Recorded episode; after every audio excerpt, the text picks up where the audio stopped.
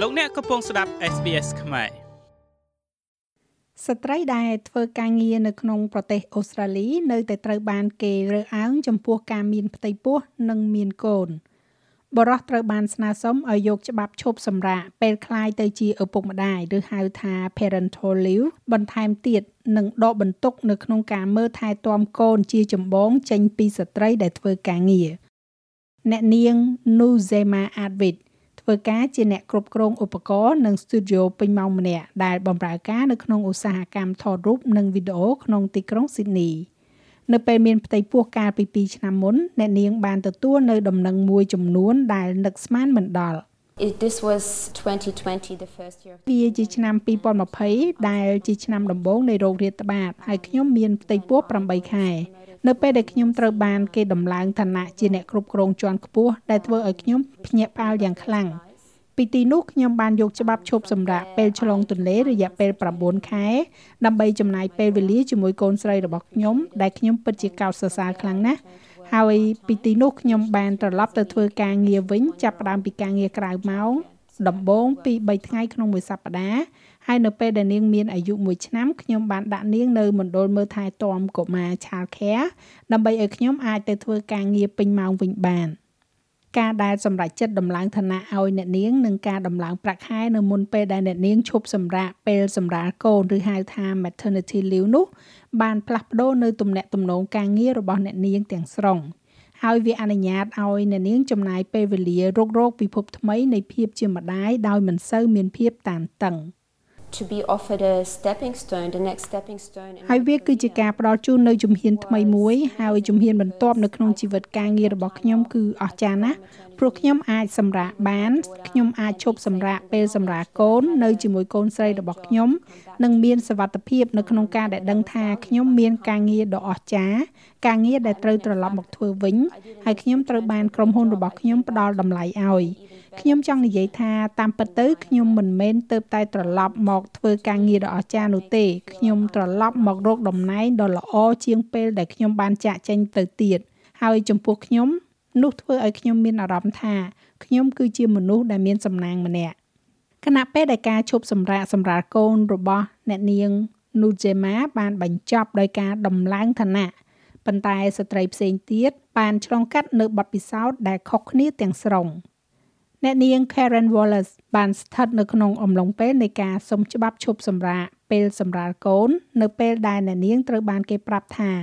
នាងស្ថិតនៅក្នុងចំណោមដែលគេត្រូវបញ្ឈប់ពីការងារដោយសារតែការសាររើរចនាសម្ព័ន្ធឡើងវិញ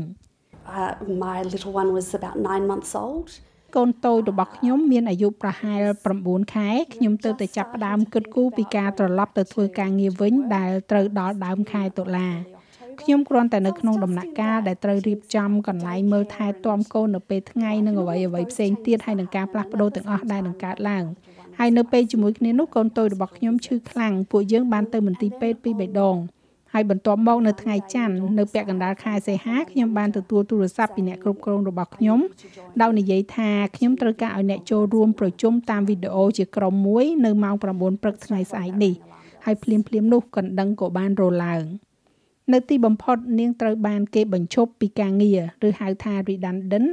ប៉ុន្តែมันបានបន្តដាក់ពាក្យបណ្ដឹងទៅនយោជករបស់នាង ដែលជាក្រុមហ៊ុន NBN Co ឬក៏ទៅខាង Fair Work នោះទេ At the time NBN was នៅពេលនោះ NBN កំពុងតែព្យាយាមកាត់បន្ថយបុគ្គលិកវាបានមកដល់ចុងបញ្ចប់នៃការសាងសង់ NBN ដូច្នេះពួកគេកំពុងព្យាយាមសម្រួលការិយាល័យកណ្ដាលរកមើលមនុស្សដែលមានជំនាញច្រើនជាជាងអ្នកដែលមានឯកទេសនៅទូទាំងតំបន់ទាំងអស់ដូច្នេះហើយវាដូចជាការដែលអ្នកអាចយល់បានប៉ុន្តែអ្នកក៏មិនដែលត្រូវបានគេប្រាប់ឲ្យបានច្បាស់លាស់នោះផងដែរថានេះគឺជាមូលហេតុដែលអ្នកបានបាត់បង់ការងារនោះ។ អ្នកនាង Karen និយាយថាដំណើរការនេះធ្វើឲ្យជំងឺបាក់ទឹកចិត្តក្រោយសម្រាលកូនរបស់នាងកាន់តែធ្ងន់ធ្ងរហើយប៉ះពាល់ដល់ទំនុកចិត្តរបស់នាង I would have liked ខ្ញុំចង់ឲ្យមានមនុស្សធម៌កាន់តែច្រើននៅក្នុងដំណើរការបែបនោះ ប៉ុន្តែការដែលត្រូវនៅផ្ទះអ្នកត្រូវបានផ្ដាច់ចេញពីកន្លែងធ្វើការអ្នកស្ថិតនៅក្នុងដែនដីដែលមិនសូវស្គាល់រួចស្រាប់ទៅហើយដោយព្យាយាមរៀនពីរបៀបคลายទៅជាម្ដាយជាលើកដំបូងហើយបន្ទាប់មកត្រូវបានគេដេញចេញជាមួយនឹងអារម្មណ៍ដូចជាមិនមានការគ្រប់គ្រងពីអង្គភាពដែលខ្ញុំបានចំណាយពេល8ឆ្នាំនៃជីវិតរបស់ខ្ញុំនោះគឺវាពិតជាពិបាកណាស់ នៅក្នុងសេចក្តីថ្លែងការណ៍មួយ NBN Co បានយោងទៅលើគោលការណ៍និងនីតិវិធីរបស់ខ្លួនដោយនិយាយថាពួកគេទទួលស្គាល់ពីផលប៉ះពាល់ដែលមាននៅលើបុគ្គលិកហើយថាខ្លួនផ្ដល់នៅក្របខ័ណ្ឌគ្រប់គ្រងដើម្បីធានាថាវាត្រូវបានប្រព្រឹត្តដោយការគោរពនិងសេចក្តីថ្លៃថ្នូរ។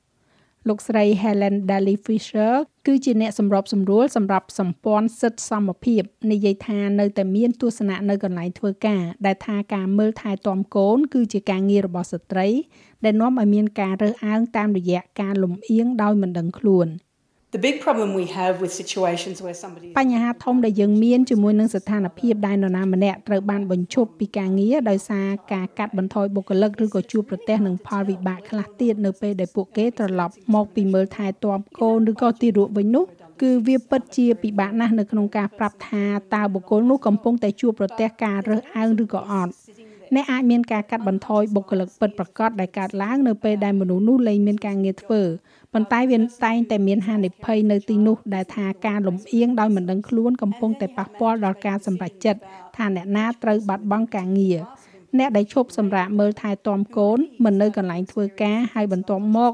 អ្នកមានអ្នកគ្រប់គ្រងធ្វើការសម្រេចចិត្តអំពីបុគ្គលណាម្នាក់នៅក្នុងលំដាប់ថ្នាក់ជាក់លាក់ណាមួយនៃបុគ្គលិកដែលគួរតែត្រូវបានកាត់បន្ថយពីការងារនោះដែលអាចនឹងចាប់ផ្ដើមជួបប្រទះនៅឥទ្ធិពលនៃភាពលំអៀងដោយមិនដឹងខ្លួនជាទីដែលពួកគេកំពុងគិតខ្លួនឯងថាការងារដែលធ្វើឡើងដោយស្ត្រីគឺពិតជាមិនល្អដោយការងារដែលធ្វើដោយបុរសនោះទេ វាគឺជាដំណើរដែលធ្វើឡើងដោយមិនដឹងខ្លួន។ លោកស្រី Dali Fisher និយាយទៀតថាដំណោះស្រាយមួយចំពោះបញ្ហានេះគឺស្ថិតនៅលើបុរស One of the ways to deal with that problem of unconscious វិធីមួយដើម្បីដោះស្រាយបញ្ហានៃភាពលំអៀងដោយមិនដឹងខ្លួននោះគឺត្រូវចាប់ផ្ដើមដោះស្រាយនៅគំនិតដែលថាការថែទាំកូនគឺជារឿងដែលមានតែស្ត្រីប៉ុណ្ណោះដែលត្រូវធ្វើ យើងត្រូវការឲ្យបរោះបរោះបន្ថែមទៀតឲ្យយកច្បាប់ឈប់សម្រាកពីការងារនៅពេលដែលคลายទៅជាឪពុកម្ដាយឬហៅថា parental leave នៅពេលនេះដែលមានតែ12%នៃអ្នករាល់គ្នាដែលបានឈប់សម្រាកពេលคลายជាឪពុកម្ដាយដែលនៅទទួលបានប្រាក់កម្រៃហើយយើងត្រូវការការផ្លាស់ប្ដូរព្រោះថាបើមិនដូច្នោះទេនយោជកតែងតែមើលឃើញថាស្ត្រីគឺជាអ្នកដែលមានការទទួលខុសត្រូវតិចតួចព្រោះពួកគេមានកូនដែលត្រូវនៅមើលថែទាំ និយាយដែលត្រង់ទៅវាត្រូវការឲ្យភាគីទាំងពីរឲ្យចូលរួម លោកប៉ាគួរតែទទួលនៅបន្ទុកទាំងនេះផងដែរប្រធានក្រុមប្រឹក្សាសហជីពអូស្ត្រាលីលោកស្រី Michelle O'Neil មានប្រសាសន៍ថាប្រព័ន្ធការឈប់សម្រាករបស់ឪពុកម្ដាយរបស់អូស្ត្រាលីត្រូវការដំណើរការហើយមានឧទាហរណ៍នៅក្នុងប្រទេសផ្សេងទៀតដែលបង្ហាញថា នៅពេលដែលបរិសុទ្ធសុំច្បាប់ឈប់សម្រាកច្រើនដូចជាស្ត្រីនោះ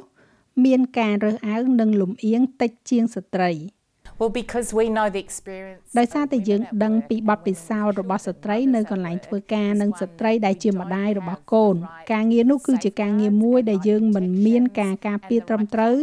និងវប្បធម៌ត្រឹមត្រូវនៅក្នុងកន្លែងធ្វើការដើម្បីធ្វើឲ្យប្រកាសថាយើងទទួលស្គាល់និងកោតសរសើរចំពោះការដែលអាចឈប់ពីការងារទៅមើលកូនហើយត្រឡប់មកវិញគួរតែជាអ្វីដែលយើងគ្រប់គ្រងនៅកន្លែងធ្វើការជាជាងធ្វើឲ្យស្ត្រីធ្វើការកាន់តែពិបាក ដូច្នេះហើយបទពិសោធន៍របស់ស្ត្រីជាច្រើនគឺវាងឿងឆ្ងល់នៅពេលដែលពួកគេមានផ្ទៃពោះនៅពេលដែលពួកគេនិយាយថា ពួកគេនឹងសុំច្បាប់ឈប់សម្រាកសម្រាប់កូន ហើយអ្វីដែលយើងមិនមាននោះគឺប្រព័ន្ធមួយដែលបរិះនិងស្ត្រីចែករំលែកការឈប់សម្រាកស្មើគ្នាសម្រាប់ធ្វើជាឪពុកម្ដាយ នៅក្នុងប្រទេសនានាក្នុងពិភពលោកដែលមានសិទ្ធិស្មើគ្នា វាពិតជាជួយដល់បញ្ហានៃការរើសអើង